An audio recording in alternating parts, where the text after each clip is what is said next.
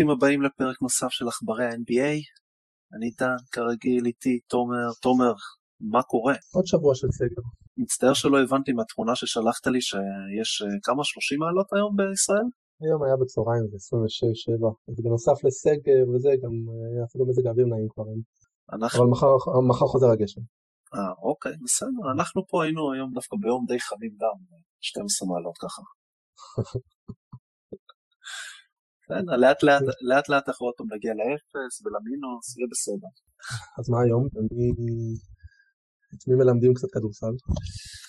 אז היום אנחנו ננסה ללמד אולי כמה GMים וקבוצות שלא יודע אם יקשיבו לנו, אבל נדבר קצת על אה, מה קבוצות צריכות, או יותר נכון מה הקונטנדריות, או אלה שחושבות שהן קונטנדריות, צריכות בשביל לעשות את העוד קפיצת מדרגה שבאמת תביא אותם לרמה של אליפות או, או כלום, זה צ'מפיונשיפ או באסט כמו שאוהבים להגיד ב-NBA. אז זה יהיה החלק הראשון שלנו, ובחלק השני אנחנו נעשה ככה קצת איזה קפיצה נוסטלגית נקרא לה, ונדבר על אה, שחקנים לא מיצו את הפוטנציאל שלהם עד הסוף בגלל פציעות, מה שנקרא what if, ה-biggest what if ש... שאנחנו ראינו או שאנחנו יכולים לחשוב עליהם כרגע. כמובן שיש הרבה אבל נתמקד בכמה שחקנים. ונסיים עם הדעה, שהפעם אה, אתה צריך להביא דעה משלך, אחרי הפעם האחרונה שאני אמרתי את מה שהיה לי להגיד על אה, קובי ושאק. ויאללה, בואו נתחיל. אז אני רוצה להתחיל עם פילדלפיה, קבוצה ששנינו בעצם אמרנו שהיא תגיע אפילו לגמר הליגה. אמרנו, אמרנו, נראה מה יהיה, בינתיים הם נראים מאוד מאוד טוב, במיוחד ג'ואל אמביד, לפני העונה שדיברנו על תחזית ומי צריך מה והכל אמרנו שהם צריכים להקיף את אמביד וסימוס בקלעים וזה מה שהם עשו גם בפגרה. אבל עדיין אני מרגיש שחסר שם משהו ואני חושב שמה שיעשה להם את הקפיצת מדרגה באמת לשים אולי חותמת אנחנו הקבוצה הכי טובה בטח במזרח ואולי אפילו ב-NBA זה תוספת לספסל שיהיה להם שחקן שישי משמעותי. כי כרגע יש להם אה, ספסל נחמד אה, ושייק מילטון הוא ה... כביכול השחקן שאתה יודע עולה מהספסל וזורק בלי הכרה ועושה מה שהוא רוצה אבל, אבל הוא לא לו וויליאמס הוא לא איזה ארי גורדון כזה אתה יודע או שרודר אפילו שהיה שנה שעברה והארל והחבר'ה האלה שהם באמת שחקן שישי אמיתי, ואני חושב שהם צריכים להביא עוד משהו, אני לא יודע אם זה יהיה קלעי, עוד קלעי, או עוד מישהו שבאמת יכול לייצר מכלום. אני בראש שלי חושב על ארי גורדון, כאילו שהוא סוג של שני הדברים האלו, והוא בטח גם היה עם טרל מורי ביוסטון, אז יש, אתה יודע, תמיד אה, מנהלים אוהבים להביא לפעמים שחקנים שהם היו אצלם וגם שיחקו טוב אצלם. הוא שחקן שלדעתי יכול מאוד מאוד לעזור להם, אבל גם אם זה לא יהיה הוא ספציפי, מישהו בסגנון הזה שיביא להם עוד איזה פוש מהספסל, עוד להוריד מאמביד וסימונס שהם יורדים לספסל, כי אני חושב שאם הם יעשו את זה, אני גם ככה שמנו אותם בגמר, אבל אני שם אותם עוד יותר בביטחון, מה שנקרא. אה, כן, ללא ספק, כי ברגע שאמביד יורד לספסל, אה, התקפת החצי מגרש שלהם היא מאוד מאוד מוגבלת. שק מילטון הוא באמת אחלה, אתה יודע, לעונה הרגילה, שהמשחק קצת יותר חופשי ופתוח, אבל כשיגיע הפלייאוף ויש 48 דקות של אינטנסיביות והגנה חזקה, אני לא בטוח שזה יספיק להם. כן, גם ציינת שאינביד יורד לספסל, אז רק אה, השבוע הם בפעם הראשונה, פילדלפיה ניצחה בלי אמביד. הם ניצחון אחד מול ארבעה הפסדים שהוא לא משחק, וזה היה גם ניצחון על, אה, על קבוצה חלשה. זה רק מראה כמה התלות בו גדולה ואולי יותר מדי גדולה העונה. והניצחון הזה, וזה, סליחה, זה, אמרתי קבוצה חלשה, אני מצטער, הם ניצחו את אינדיאנה, קבוצה מאוד לא חלשה. אה, ואני חושב שהניצחון הזה ייתן להם פוש מאוד מאוד גדול להמשך, ולהגיד אוקיי, אנחנו יכולים גם בלי אמביד, כי לנצח באינדיאנה זה לא פשוט. והם עשו את זה דרך אגב אה, בהגנה אזורית אדירה של אה, סימונס וטייבל למעלה, בשתיים, באזורית שניים למעלה שלושה למטה, אבל עדיין הם צריכים את העוד מישהו הזה שייתן להם מהספסל דחיפה, כי כמו שאתה אומר, המשחק העומד שלהם בלי אמביד לוקה בחסר כרגע. אה, קבוצה שאני רוצה לדבר עליה זו קבוצה שהייתה בגמר המערב שנה שעברה דנבר, ואומנם פתחה את העונה קצת בעצלתיים, אבל אה, לאט לאט הם חוזרים לעצמם. אה, ומה שאני חושב שהם חייבים, כדי לפחות לחזור לגמר המערב, עוד שחקן, שחקן הגנה שיוכל לשמור בפלייאוף על קוואי ועל לברון. כי היה להם את זה עם ג'רמי גרנט, והוא עזב לדטרויט, והם לא מילאו את החוסר הזה. לא, הם גם איבדו את אה, טורי קרייג למילווקי, שהוא גם עשה את אותו התפקיד הזה, כאילו, פחות טוב מג'רמי גרנט, אבל גם עזר מאוד בקטע הזה, והם בעצם תלויים בפורטר ג'וניור שישמור, והוא עדיין לא מראה את זה, שהוא יכול לשמור, או ג'מייקל, אה, ג'מייקל גרין, שהם לא, הם, הגנתית הם לא מספיק טובים, פורטר התקפית מאוד מאוד טוב, אבל הוא לא שומר. וכשהם יגיעו לפלייאוף מול הקליפרס או מול הלייקרס, פשוט לא יהיה להם מי שישמור, והם יהיו תלויים לגמרי במה שיוקיץ' ומרי יעשו בהתקפה. כן, אני חושב שיש להם גם בעיה בעמדה 2, וגרי הריס הוא שחקן נחמד, אבל הוא לא מספיק טוב להיות שחקן חמישייה לקבוצה שרוצה להגיע ל... אתה יודע, לפחות לגמר מערב כמו שיעשו, ואפילו יותר. הם צריכים להביא מישהו יותר דומיננטי בעמדה הזאת, וזה גם להוריד עוד עומס מג'מאל מרי, ו... וכמובן מיוקיץ' שכרגע נותן עונה די משוגעת. אה, אתה יודע, היה את המשחק נגד יוטה שהוא נתן כלה 33 נקודות במחצית על אה, שחקן ההגנה שלך, רודי גובר. וכאילו זה עוד פעם סימפטום של אה, דנבר נגד יוטה ויוטה עשה במכנסיים. עוד קבוצה שאני רוצה לדבר עליה היא כמובן, איך אפשר שלא, ברוקלין. ומה שהם צריכים להביא, קודם כל, כרגע כל שחקן יכול לעזור להם כי יש להם בעיה גדולה מאוד בספסל. ברגע שיש איזשהו חילוף, רמת המשחק שלהם יורדת פלאים, אבל מה שהם בעיקר צריכים זה, זה, זה size, גודל, אין, אין להם את זה. כרגע דיאנדרי ג'ורדן הוא ה... היחיד שם שיש לו באמת size אמיתי, והם תלויים בו לחלוטין, ואתה יודע, בגיל שלו ואפילו קליעות העונשין הבעייתיות שלו, זה לא בפלייאוף, הם צריכים להתמודד עם יאניס, הם צריכים להתמודד עם אמביד, הם לא יוכלו לעשות את זה אם לא יהיה להם עוד קצת גודל. כן, וזה גם משהו שדיברנו, שדיברנו על ה trade שהם עשו, שהם שלחו בעצם את מי שהיחיד ששמר על הטבעת, וזה ג'רד אלן. ועכשיו הם כאילו, אתה יודע, יש דיבור על דרמונד אולי, ודרמונד, הם מצפים שיעשו buyout לדרמונד, שאין שום סיבה הגיונית שקליבלנד תעשה כזה דבר, כי היא פשוט יכולה לעשות לו trade כי גם ככה הוא ילך אה, בחינם אם לא, אז בשביל מה לעשות לו buyout ולבזבז כסף עליו. אני חשבתי שאתה תגיד לעשות trade על אה, קיירי ולהביא עוד איזה אחד אה, סולידי ועוד משהו גדול שגם יכול לעזור, כנראה שלא הלכת לשם. כי אף קבוצה לא תיקח אותו בגלל שאני לא חושב שצריך. כן, אתה יודע גם, אמנם הוא היה לו משחק מאוד מאוד טוב נגד קליפרס אמש, והם גם הצליחו לנצח, אבל אתה יודע, הם לא שומרים. ואם הם לא יביאו מישהו שרוצה קצת לשמור, הם, יהיו, הם ימשיכו להיות בבעיות ולחטוף 120 נקודות פלוס. ומה שמעניין שהם עושים במשחק שלהם, שברבע, אתה יודע, יש את הרבע השני של המחליפים, אז הרדן משחק לבד. זאת אומרת, לבד עם הארבעה מחליפים, או אולי ג'ו הרס נשאר על המגרש קצת. ואז קיירי ודורנט חוזרים ביחד. כאילו זה, זה רק מראה, אתה יודע, זה מראה קצת שכמה סומכים על אה, קיירי אולי, או אפילו יודעים שדורן, אה, לא דורן, שיודעים שהרדן יכול לשחק לבד וזה בכלל לא משנה מי, מי ישחק איתו, כי הוא רגיל לשיטה הזאת מיוסטון. השאלה לאן זה יביא אותה. תראה, אני באמת מאמין שבלי size הם, הם לא יחזיקו מעמד בסדרה מול פילדלפיה ומול אה, מילווקי ואפילו מול בוסטון.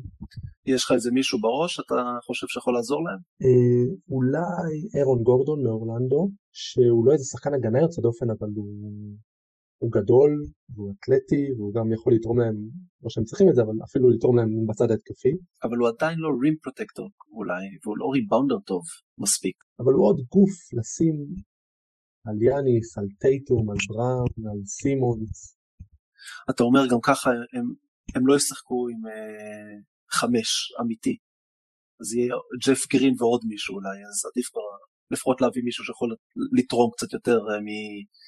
מרק לחסום. כן, אתה יודע, יכול להיות שמישהו שומע אותנו ואומר, רגע, אבל גם אבל גולדן סטייט כן הצליחו לזכות באליפויות בלי איזה גבוה אמיתי. זה נכון, אבל כל שאר הקבוצות התאימו את עצמם לגולדן סטייט. יוסטון הלכו נמוך, ויוסטון יוסטון היו, הייתה יריבה עיקרית של, של גולדן סטייט, אז כל המהלכים שיוסטון עשו מבחינת שחקנים היו כדי להתמודד עם גולדן סטייט. המצב של ברוקלין כיום הוא שונה בגלל הקבוצות שיש במזרח. נכון, וגם אה, עוד דבר לגבי גולדנסטייט, בכל זאת היו להם אומנם לא גבוהים דומיננטיים, אבל גבוהים שידעו את תפקידם. אם זה קוון לוני ואנדרו בוגט אפילו, ודייוויד לי, הם היו, הם היו, הם עדיין גדולים, חלק מהם לא משחקים, אבל הם חבר'ה גדולים, אז זה לא בדיוק אותו דבר. אה, נכון, נכון. אבל אני פשוט חושב שבלי עוד שחקן או שניים שיכולים לתת גוף, לתת הפרעות אפילו, אני לא חושב שהם יחזיקו מעמד בסדרה של שבעה משחקים. אה, אני אשאר במזרח ונדבר על, אה, על בוסטון, שאני חושב שדומה מאוד לפילדלפיה, הם חייבים מישהו מהספסל, כי כרגע, ברגע ששוב, שטייטום ובראון לא על המגרש, חסר להם מאוד עוד שחקן, להם זה פחות מישהו שיכול לייצר, כי בכל זאת, אתה יודע, קמבה יכול להישאר על המגרש, ואז uh, בראון יכול לחזור, או טייטום יישאר על המגרש עם מחליפים, אבל אין להם אף שחקן שרץ, הם כולם עומדים, ולדעתי הם חייבים שחקן שזז על חסימו, אתה יודע, ראינו איך, איך מיאמי שיחקה נגדם עם uh, הירו ורובינסון, ואתה רואה את זה אפילו בלייקרס, שהם כולם עומדים כביכול ומסתכלים על לברון, עדיין יש את האופציה של, של פופ שירוץ על חסימות. ואם עכשיו יש להם גם את וסלי uh, מתיוס שיכול לעשות אותו דבר.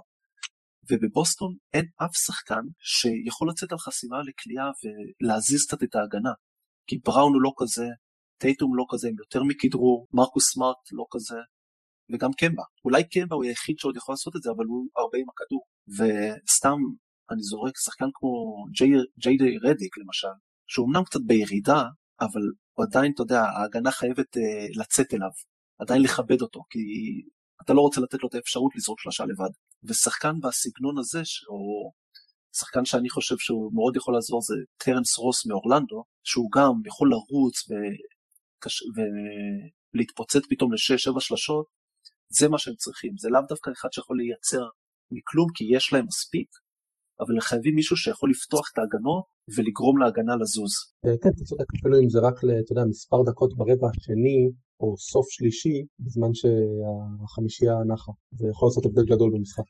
וגם יש להם שני, חוס, שני גבוהים שהם חוסמים והם ריבאונד התקפה מצוין, שזה אולי אחד הריבאונדים התקפה הכי טובים בליגה ובכלל בקריירה, כאילו בתקופה שלו בליגה זה טריסטון תומפסון והוא חוסם ומסתובב, הוא חוסם והוא יהיה מוכן לריבאונד וזה קלאסי למה שהם צריכים לדעתי וגם אה, טייס שהוא הגבוה השני שלהם המשמעותי וזה פשוט שחקן שירוץ עליהם הוא כל כך גם אתה יודע זה גם יעזור לטייטום ולבראון ללכת לסל יותר בקלות פותח את המגרש. אה, כן אני חושב שלפעמים אה, אנשים לא מספיק שמים דגש על שחקן שעולה מהספסל ומשנה את המשחק. זה גם לא חייב להיות שחקן שעולה וחייב לקלוע עכשיו 20-30 נקודות מהספסל.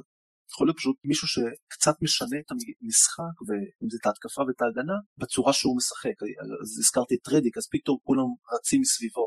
הוא לא חייב לקנוע, אבל הוא מזיז את כל ההגנה, וכל ההגנה שג'יי ג'יי רדיק יוצא לחסימה, אתה חייב לכבד את זה. וזה. ואז האחרים נהיים יותר פנויים. גם אם זה לעשר דקות במשחק, זה מאוד מאוד יעזור להם לדעתי. אני מצפה שהם יעשו איזה מהלך, כי הם, הם, הם עוד לא שמה. לדעתי חסר להם, חסר להם את זה. כמובן שיש עוד, יש עוד קבוצות, נגיד קליפרס דיברנו על זה שהם חייבים רכז ויש שמועות על שהם רוצים את די רוז אישית, אני מאוד מאוד אוהב אותו, אני לא חושב שהוא מתאים להם, ויש עוד קבוצות שירצו להתחזק, מי יודע מה יהיה, עוד מעט ה trade, אני מאמין שיהיו טריידים, נראה איזה קבוצות יבחרו אולי לפרק את החבילה, אם זה אולי יוסטון, אולי אורלנדו, אולי, אולי אפילו פורטלנד, מי יודע. אבל נחכה ונראה, ובואו נעבור לנושא הבא שלנו.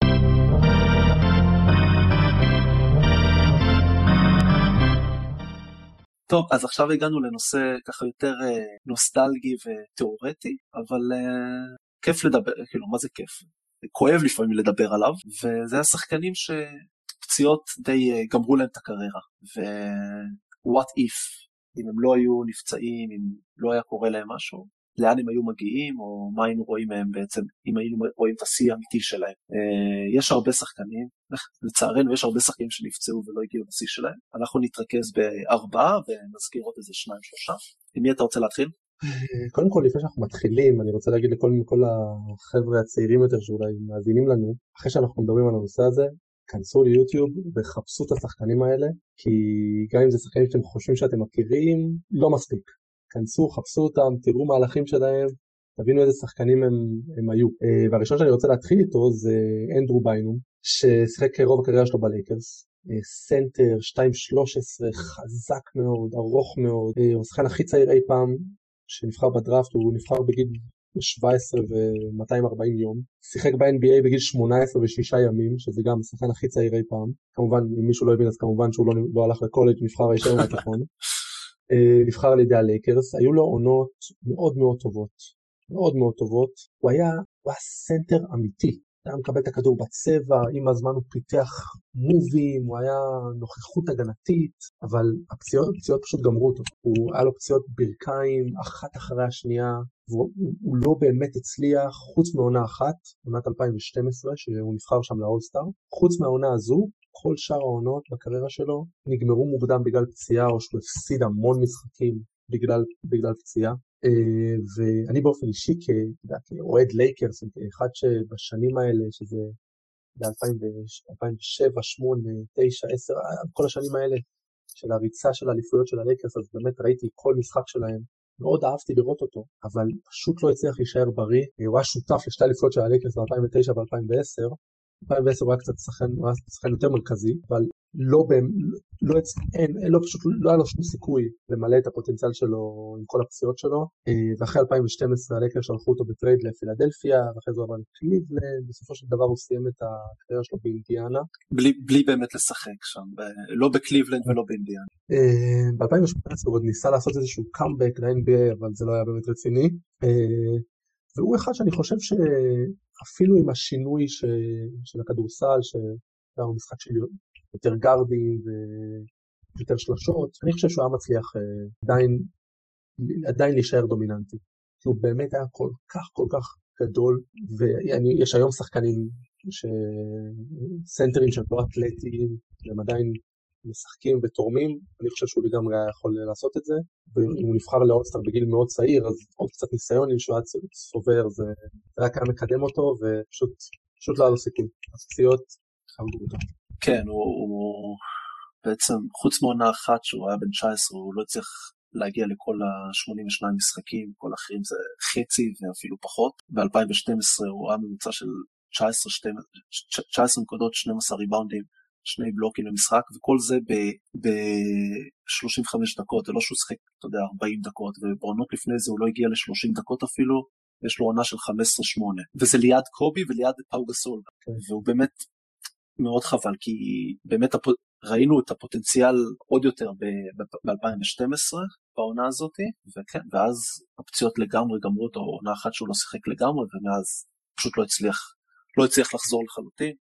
אני חושב שאמרת שאם הוא היה ממשיך, אז גם היום יש, אבל אנחנו לא מדברים אם הוא היה, איך הוא היה אם הוא היה היום. אם הוא היה ממשיך בקריירה שלו בתקופה לפני שש שנים, הוא כנראה הוא היה יכול לשלוט בליגה, גם עם השינוי שסטף הביא. נכון.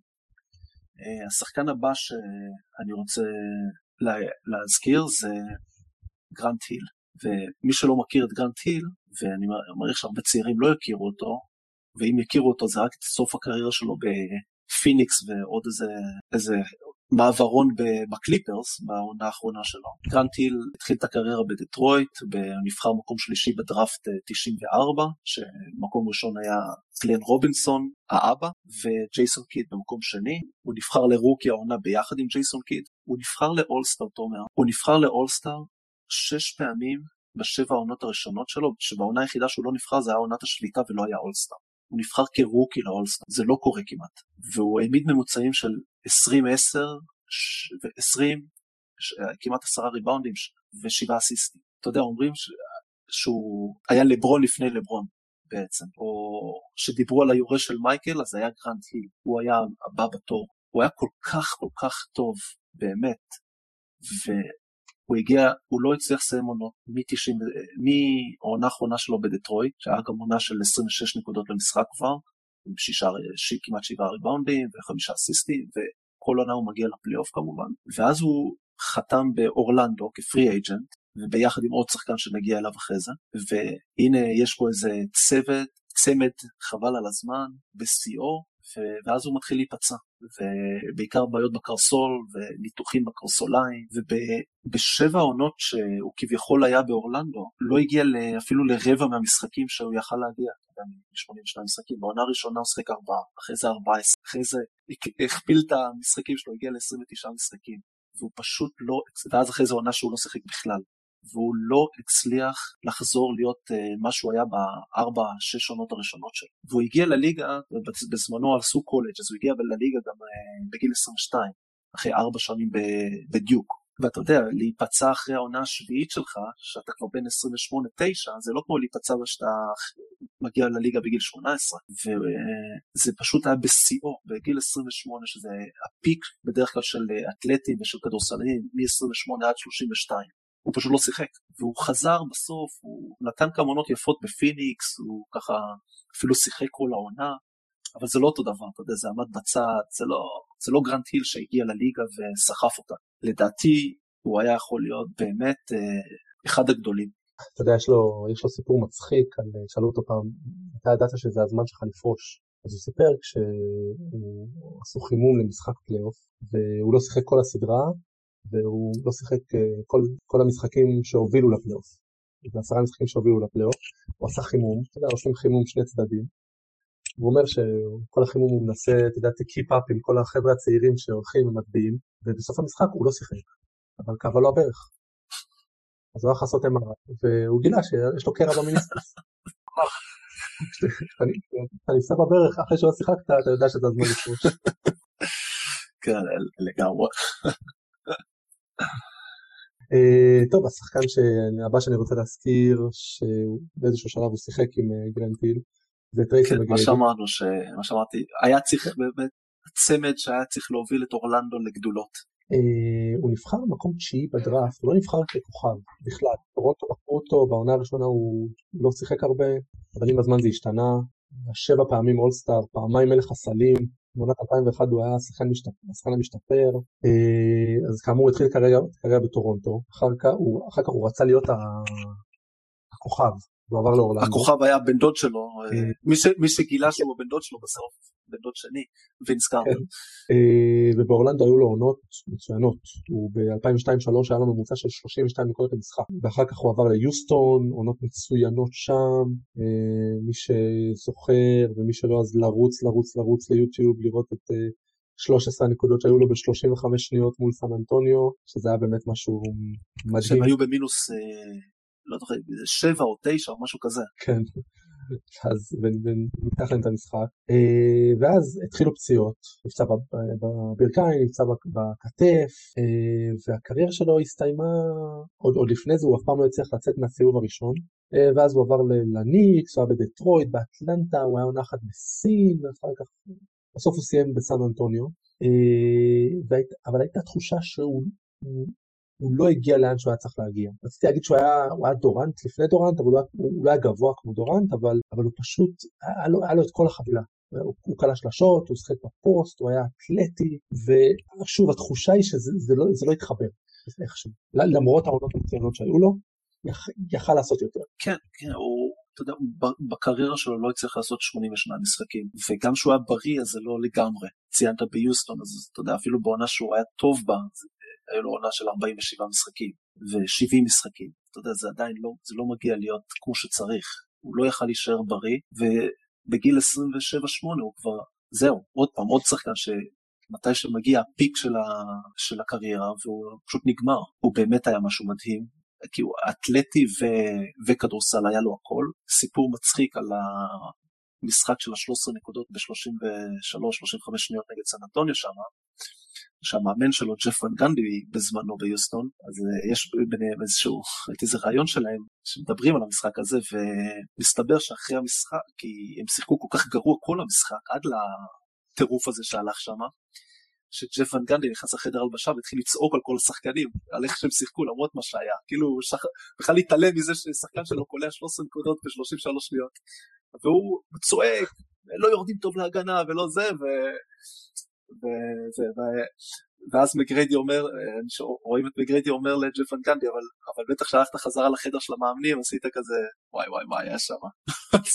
אז, ון גנדי אומר לו, כן, אמרתי לו למאמין השני, איך לקחנו את המשחק הזה, וכן, הוא באמת היה, הוא היה משהו מיוחד, חבל, על כל מי שאנחנו מדברים פה זה חבל. אה, אחרון שנעשה עליו סקירה קצת יותר, ואולי נזכיר עוד איזה שניים שלושה שמות. זה, אני מקווה, אתה משאיר אותו לי, נכון? אתה, יש, אתה, אתה, רוצה לשים איזה מוזיקה מלנכולית כאן, יש לך איזה טישו לידך? תראה, אני כמובן לובש את הכובע של שיקגו, אין, אין ברירה. ולמרות שהוא עדיין משחק, והוא אפילו משחק בכלל לא רע בשנתיים האחרונות, הבא בתור זה די רוז, דריק רוז, שבאמת כל כך חבל מה שקרה לו, כי אתה יודע, ארבע עונות ראשונות שלו בליגה, רוקי העונה, אולסטאר בכל שלוש עונות אה, שאחרי העונת רוקי, הוא ה-MVP הכי צעיר בהיסטוריה של הליגה בעונה השלישית שלו בגיל 22. חמישיית העונה בשנתיים רצוף, מוביל את שיקגו למאזן הכי טוב בליגה שנתיים רצוף, גמר מזרח ב-2011 הפסידו ללברון,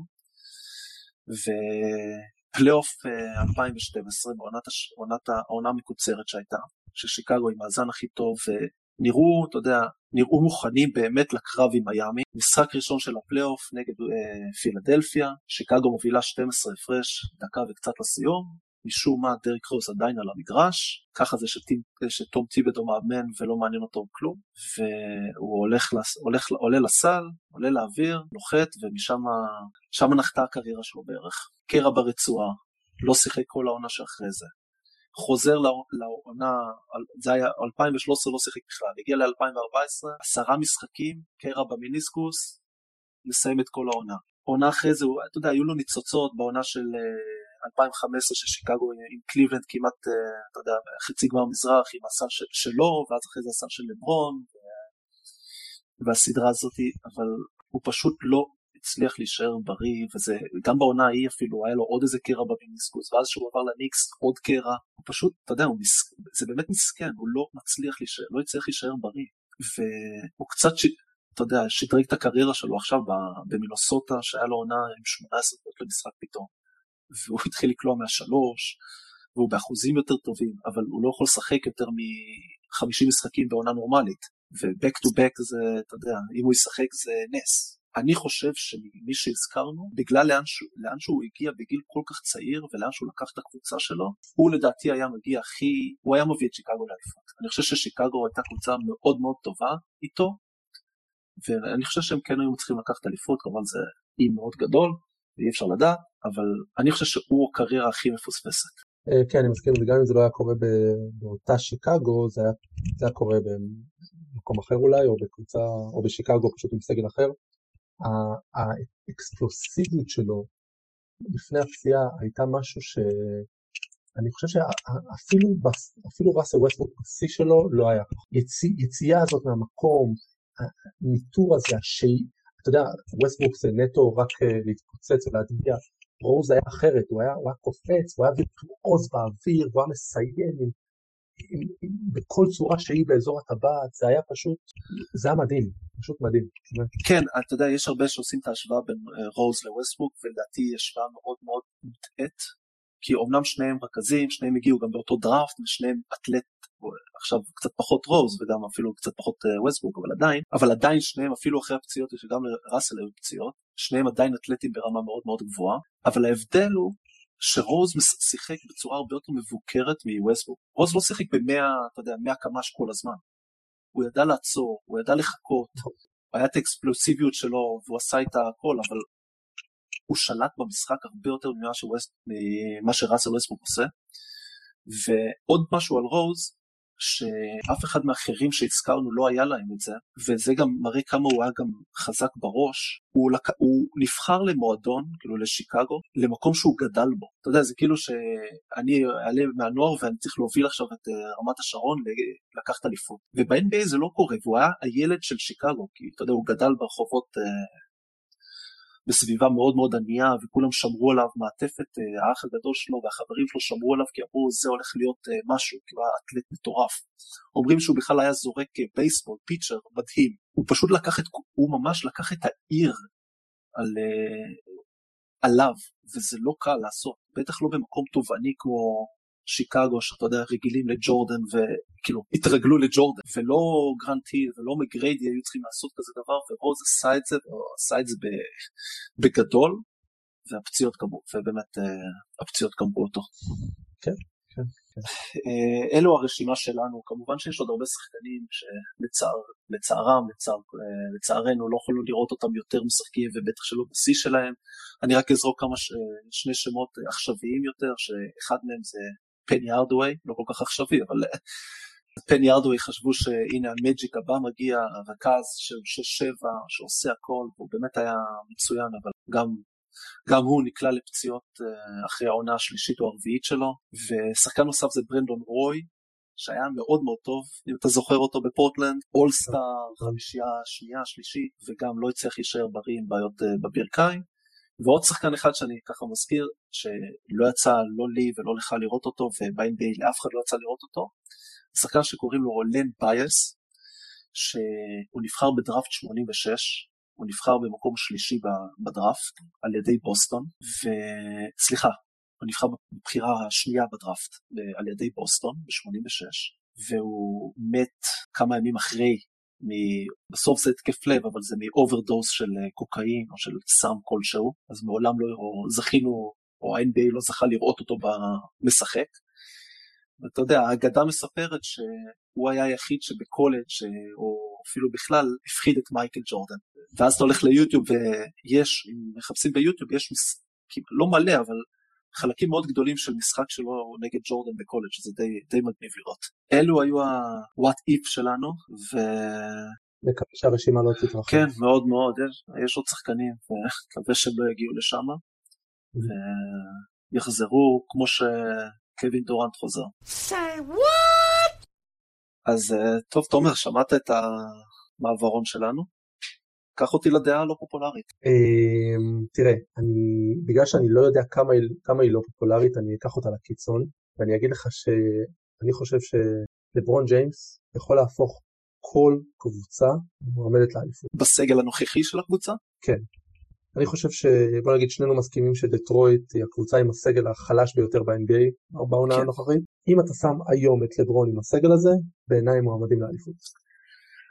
אם היית אומר לי בוא נגיד, אה, לא שאני רוצה אותו אצלי, אבל אם היית אומר שיקגו, אם היית אומר לי אפילו שרלוט, אטלנטה, הייתי אומר לך, נראה לי שכן, אבל אני חושב שקבוצה כמו דטרויט, אני לא חושב שהוא מוביל, הוא מוביל אותה לפלייאוף כנראה, אבל הוא לא ייקח את האליפות, לא, היא לא תהיה קונטנדרית, היא לא תהיה מועמדת לאליפות, כי הם, הם באמת חלשים, ונכון שהוא עשה את זה עם קליבלנד, עם קבוצות קצת יותר טובות, לא בהרבה יותר טובות ממה שדטרויט כיום, אבל על זה אני לא מסכים. אני מסכים על, בוא נגיד, 99% מהקבוצות, אז נשאר דטרויט.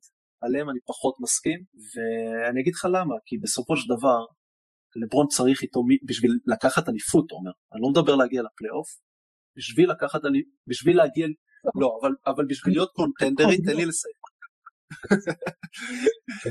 בשביל להיות contender, לברון צריך איתו עוד star ברמה של טופ 5, טופ 10 בליגה. ועם כל האהבה שלי לדריק רוז, הוא לא שמה, עם כל האהבה שלי גם לבלייק גריפן, אגב עוד שחקן שהפציעות גמרו אותו, הוא גם לא שמה, וגם ג'רמי גרנט אמנם בעונה נהדרת, הוא לא טופ 10 בליגה. אבל ב-2018 לא היה לו שחקן טופ 10 בליגה והם הגיעו לגמר. כן, היה מזרח חלש. או שלברון פשוט כל כך טוב. א' הוא כל כך טוב, אני לא אומר שהוא לא כל כך טוב, אבל היה בכל זאת היה קווין לאב, והיו חלקים בסדר, זה לא שהוא שיחק לגמרי לבד. אז יהיה לו בדטרויט את ג'רמי גרנד, שהוא כבר עכשיו קולע 25 נקודות, אז אם לברון יהיה לו קל יותר. פתאום ליד לברון פלאמלי יהיה טופ 10 בסנטרים לא, בליגה. זהו. ויש, יש להם כל מיני צעירים קלעים כזה. אני לא, לא, אני לא חושב שהם אה, אתה יודע, כשאמרת 2018 קליבלנד ידענו שהם יהיו קרובים לגמר, כי המזרח היה חלש ובאמת עוד לא, לא היו איזה קבוצה שתעיף אותם בדרך, אבל אני לא חושב שאפילו עם לברון, אני לא רואה את דטרויט יותר טובה מפילדלפיה, והיא לא יותר טובה מבוסטון. חצי, חצי כבר אני לא אומר ש... נו, אוקיי. אז הם כבר ניצחו, הם כבר ניצחו סדרה, וגם כשאתה אומר, אני לא רואה אותם יותר טובה, בסדר, אבל עדיין זה לא, ש... זה לא שהם מפסידים בסוויפ. לא, כי לברון לא יפסיד בסוויפ. Okay. אוקיי. אה, הוא, הוא יעשה את הקבוצה הרבה הרבה יותר טובה, כאילו, הם יגיעו לפלייאוף כנראה. זה מעניין, אולי שילך לשם, שיהיה סתם בשביל הקטע, בוא נראה. את, את, יש עוד זמן ל trade deadline, אולי זה עוד יקרה. בלייק גריפן, די רוז ו... ומי עוד יש שם שאתה רוצה לזרוק, את ג'ליל אוקופור, בתמורה ללברון, זה לא trade לגיטימי? כן, זה יש, קצת ישחרר ללייקרס את השכר. דניס שרודר יפרח. לא, נראה לי שלברון יישאר בלייקרס זה ייקח עוד אליפות. כן, עד שקליפרס לא יבינו איך לשחק כדורסל בצורה נורמלית, או פורטלנד בריאה ומתחזקת, או גולדן סטייט בריאה ומחוזקת, זה לא נראה שלייקרס יאבד, לא יודע אם לא יאבדו את התואר, אבל לא רואה אותם לא מגיעים לנו. אתה יודע, חשבתי קליפרס בתחילת העונה, כל, כל משחק שאני רואה וכל ככל שהזמן עובר, למרות שלברון לא מזהיר בכמה משחקים האחרונים, לא יודע, הם, מש... הם כאילו משייטים, הם פשוט משייטים את העונה הזאת. כן, לגמרי. טוב, בסדר, תומר, אתה רוצה shout-out אחד? כן, כמובן. יום הולדת שמח לאח הקטן שלי, אופיר אקסברד, בן 28 היום. אתה מאמין, הוא שיחק איתנו כשהוא היה בן 19. הוא גם what-if אחד גדול. נכון, נכון. אם רק היו מאמינים בו והוא לא היה נפצע, אז מי יודע איפה הוא היה היום. אני דווקא מבסוט מאיך שזה קרה. עושה לעצמו קריירה בהייטק. לא פחות טוב מזה. אז יום הולדת שמח אופיר. יום הולדת שמח אופיר, ותיזהר רק כשאתה נוסע באופנוע, כן? יאללה דן, עד הפעם הבאה. יאללה תומר, תודה. אנחנו היינו עכברי NBA, נתראה.